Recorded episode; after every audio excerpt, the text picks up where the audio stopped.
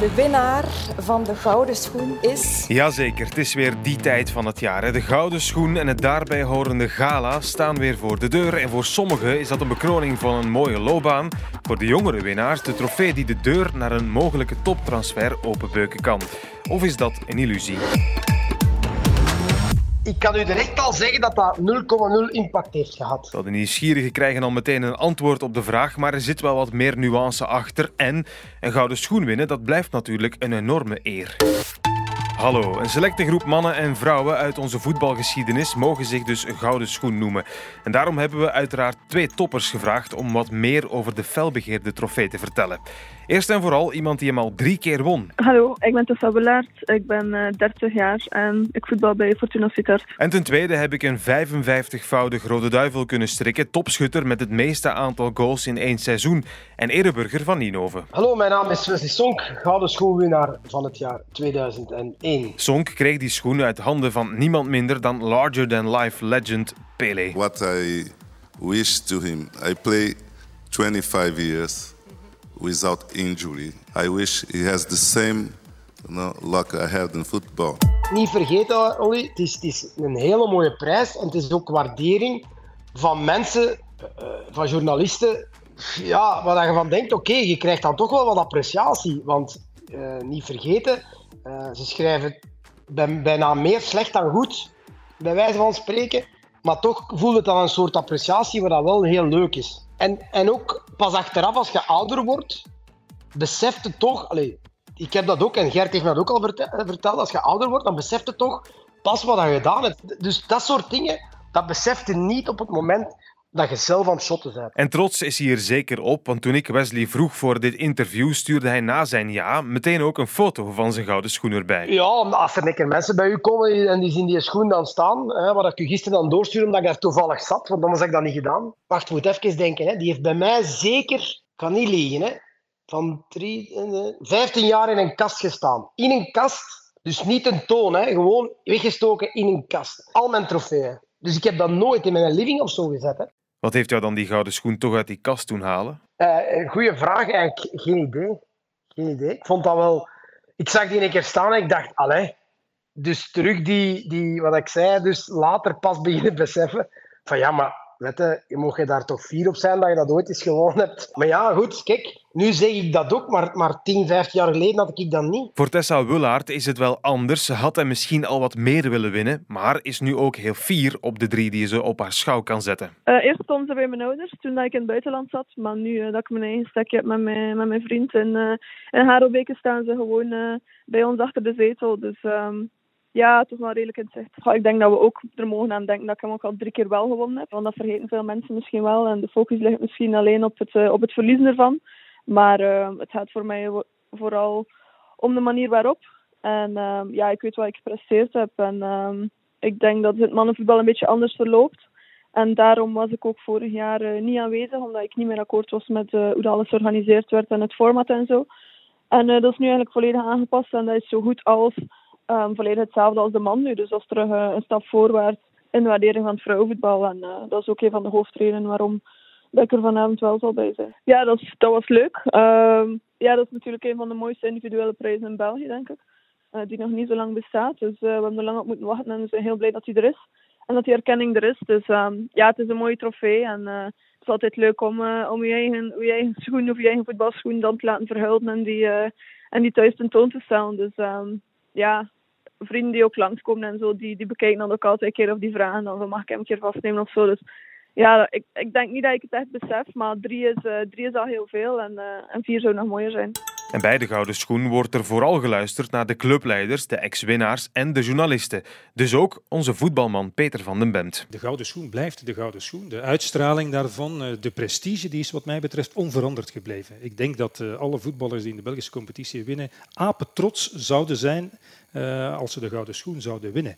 En dat is toch nog altijd, hoe je het ook draait of keert, de, de individuele trofee met net iets meer weerklank dan de profvoetballer van het jaar. Hoewel de voetballers zelf en zeker die de Gouden Schoen nooit gewonnen hebben, maar wel profvoetballer van het jaar zijn geweest, zeggen dat ze daar meer aandacht aan besteden. Ik kan er mij iets bij voorstellen, omdat het daar, ja, de voetballers zelf zijn hun collega's, met andere woorden, die stemmen en niet uh, journalisten en scheidsrechters en, en andere ex-winnaars, waardoor ze dan ja, uh, geapprecieerd worden door hun uh, collega's en vooral ook door hun tegenstanders. Ja, Peter maakt daar een eerste vaststelling. Hè. De Gouden Schoen die valt midden in een seizoen en beoordeelt een kalenderjaar.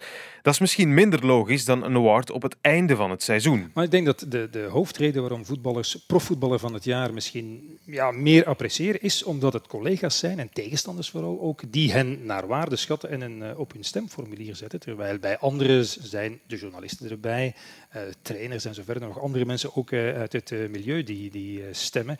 En je kan inderdaad ook zeggen, als je op het einde van het seizoen wordt verkozen tot profvoetballer van het jaar, ja, dan heb je een geweldig seizoen gespeeld. En en die discussie bestaat al, denk ik, zolang als de Gouden Schoen zelf bestaat, bij wijze van spreken, al 70 jaar. Ja, de Gouden Schoen gaat eigenlijk over twee seizoenen, de uh, twee helften van het seizoen. Waardoor uh, uh, iemand die, die ja, over een heel seizoen sterk presteert, ja, misschien niet in aanmerking komt. Uh, en iemand die in een kalenderjaar goed presteert, uh, meer. Dus ja, er, er, is al veel discussie over geweest. Moet je dat toch ook niet op het einde van het seizoen doen? Want nu heb je vooral, en dat is wel natuurlijk een van de grote nadelen uh, van dit systeem, of van het tijdstip waarop de Gouden Schoen wordt uitgereikt, dat is dat heel veel goede voetballers ja, op het einde van het seizoen vertrekken. En dan niet meer in aanmerking komen, tenzij ze exceptioneel uh, grote voorsprong hebben om de gouden schoen te winnen. Waardoor heel wat mooie namen misschien ontbreken op, uh, op de erelijst. En het zich meer beperkt tot voetballers die langer in onze competitie uh, voetballen, namelijk een heel jaar. En zeker met de steeds kortere periodes waarbij de echt goede, steengoede voetballers of de grote jonge talenten in ons land blijven voetballen. Die periode wordt al maar korter. Het dreigt bijvoorbeeld, ik kan maar een concreet voorbeeld geven van dit jaar, dreigt natuurlijk Arthur Vermeeren nooit de gouden schoen te gaan winnen. Het leuke daaraan, en goed, ik heb nu met de stemming van de FIFA Award, dat heb daar ook gezien, uh, als er bondscoaches moeten kiezen, kiezen die ook voor uh, hun eigen spelers. Hè. Of, of landgenoten die mogen kiezen, kiezen ook voor speler X hè, die bij hun speelt. Hè. Die kiezen ook niet voor altijd de beste. Hè. Uh, of de meest presterende speler. Hè. Uh, dus ja, het is, het is en blijft uh, toch wel iets subjectief. Ik denk dat je dat altijd gaat hebben. Alleen moeten we wel zeggen dat de laatste jaren het wel zo is dat de meest verwachte of de, me of de best presterende toch, ja, toch een beetje de logica volgen. Hè. Bij de mannen zijn we toe aan de 70ste editie. Bij de vrouwen zijn we nog niet zo ver. Maar we hebben nogthans al een lange weg afgelegd. Van de bedenkelijke gouden pump naar de gouden schoen op basis van één stemronde. Maar vanaf dit jaar worden de vrouwen op gelijke hoogte geschakeld als de mannen. Met per seizoenshelft één stemronde. Ja, want ik denk als je moet stemmen in december, dan weet je niet meer wat er uh, in het begin van het seizoen van januari tot juni gebeurt. Dus het feit dat er twee stemrondes zijn en ook maar een top 3 in plaats van een top 5 en ook geen voorgekoude top 10 meer waaruit je enkel kon kiezen.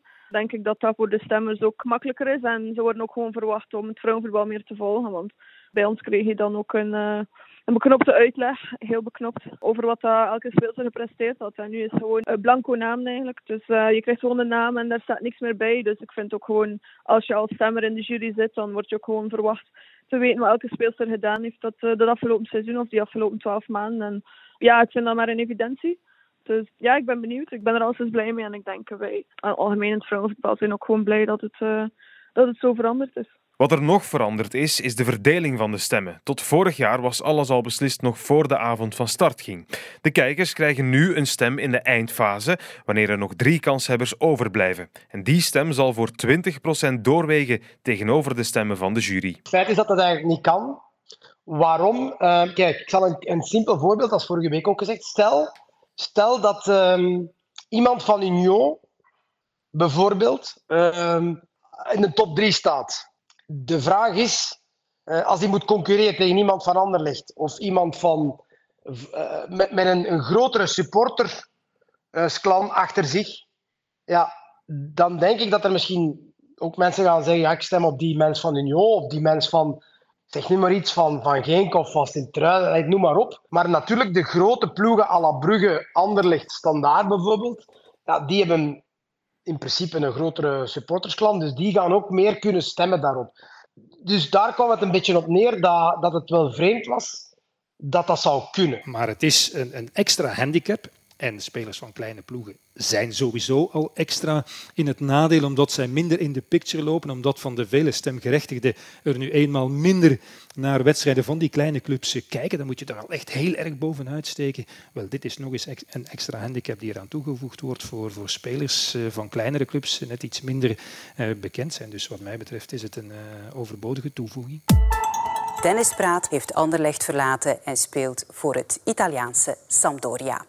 De gouden schoen van 2014 aasde... Een gouden schoen krijgt, zeker als hij of zij nog jong is, meestal de kans op een mooie transfer. Zoals bijvoorbeeld Dennis Praat. Maar denk ook aan Vincent Compagnie, Steven de Voer of Axel Witzel. Sampdoria zou voor de 22-jarige Praat in totaal 10 miljoen betalen. En weegt zo'n gouden schoen dan door in de afrekening van een transfer? Met andere woorden, hoe groot is de financiële impact? Ik kan u direct al zeggen dat dat 0,0 impact heeft gehad.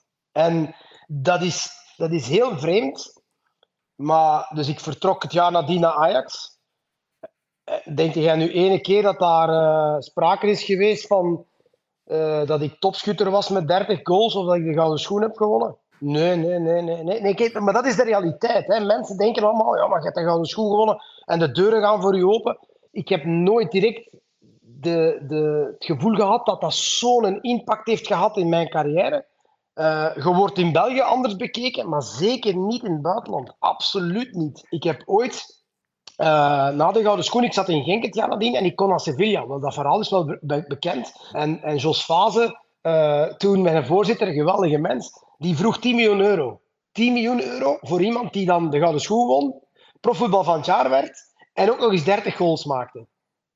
En wat denkt u dat, wat denk je dat Sevilla gezegd heeft? Hm. Wesley Sonk uh, zal door zijn clubs in het buitenland, uh, met name Ajax uh, bijvoorbeeld, niet gehaald zijn omdat hij een keer de gouden schoen heeft gewonnen. Wat Wesley Sonk betreft is het belangrijker, denk ik, om topschutter te zijn in de competitie waar je vandaan komt. Als je dan toch een doelpuntenmaker bent, dan zullen clubs veel eer daar naar kijken, wat ik zei, statistieken. Maar dat, dat, dat kan ik me zo voorstellen, dat, dat geïnteresseerde clubs niet noodzakelijk dan zoveel meer in Wesley Song geïnteresseerd waren of zoveel meer wilden betalen omdat hij nu toevallig de gouden schoen heeft gewonnen. Ik denk dat dat, uh, dat, dat correct is. En misschien was het toen nog net iets meer, wat ik al zei, dan, uh, dan vandaag de dag. Het is toch vooral een trofee die prestige oplevert, die uh, voor de speler zelf in caso vandaag wellicht Toby Alderweireld een soort bekroning is van een geweldige carrière, een, een soort bewijs van het respect dat je geniet van de hele voetbalgemeenschap. Ik denk dat dat vele malen belangrijker is eh, dan, dan eventueel financieel gewin of uh, een hogere marktwaarde. Ik denk dat de, de waarde, uh, de financiële waarde van de gouden schoen voor een voetballer zeer beperkt is. Laten we zeggen dat dat misschien 15 of 20 jaar geleden een grotere waarde had, omdat clubs veel minder ver stonden in de scouting van, van voetballers en ze misschien dan toch aangewezen waren op een beperkt aantal beelden die ze van spelers zagen, op natuurlijk persoonlijke scouting. Maar dan kan ik me wel voorstellen dat zo'n trofee, waarbij dan geoordeeld werd door de mensen die dat voetbal van zeer nabij volgen, dat hij de beste was, dat dat misschien wel een extra zetje kon geven. Maar ondertussen uh, worden spelers uh, dermate gescout, is het ook op basis van data, dat een, een gouden schoen misschien wel een verkoopsargument kan zijn van een uh, gewiekste makelaar, maar voor een club nooit doorslaggevend kan zijn uh, om een, speler al dan niet te kopen of om er een extra uh, paar miljoenen voor te leggen. Dat kan ik me eigenlijk in de moderne tijden moeilijk voorstellen. Maar het staat natuurlijk wel, zeker voor die speler zelf, als je in een kleedkamer toekomt in het buitenland, dat is wel belangrijk. Als je bij een club gepresenteerd wordt door je makelaar als de beste speler van de competitie waar je vandaan komt, dat dat wat meer respect en ontzag afdwingt bij de supporters, bij de journalisten in dat andere land waar hij naartoe gaat, in de kleedkamer, eh, daar kan ik mij wel iets bij voorstellen. Prestige is er dus absoluut wel mee gemoeid, maar voor het geld moet je het dus niet echt doen. Al denk ik dat de verwachte winnaar van vanavond Hij moet het toch vooral zien als een ultieme bekroning van zijn seizoen, zijn keuze voor Antwerpen en zijn hele loopbaan dus. Dat is het, het hoogst haalbare op een persoonlijk vlak als voetballer zijn in België. En dat is ook de eerste prijs waarbij ik als kleine jongen naar heb gekeken. Dus uh, ik zou het wel uh, fantastisch vinden. Benieuwd of we Toby Alderweireld de gouden schoen van 2023 mogen noemen? Morgen is er een nieuwe daily. Tot dan.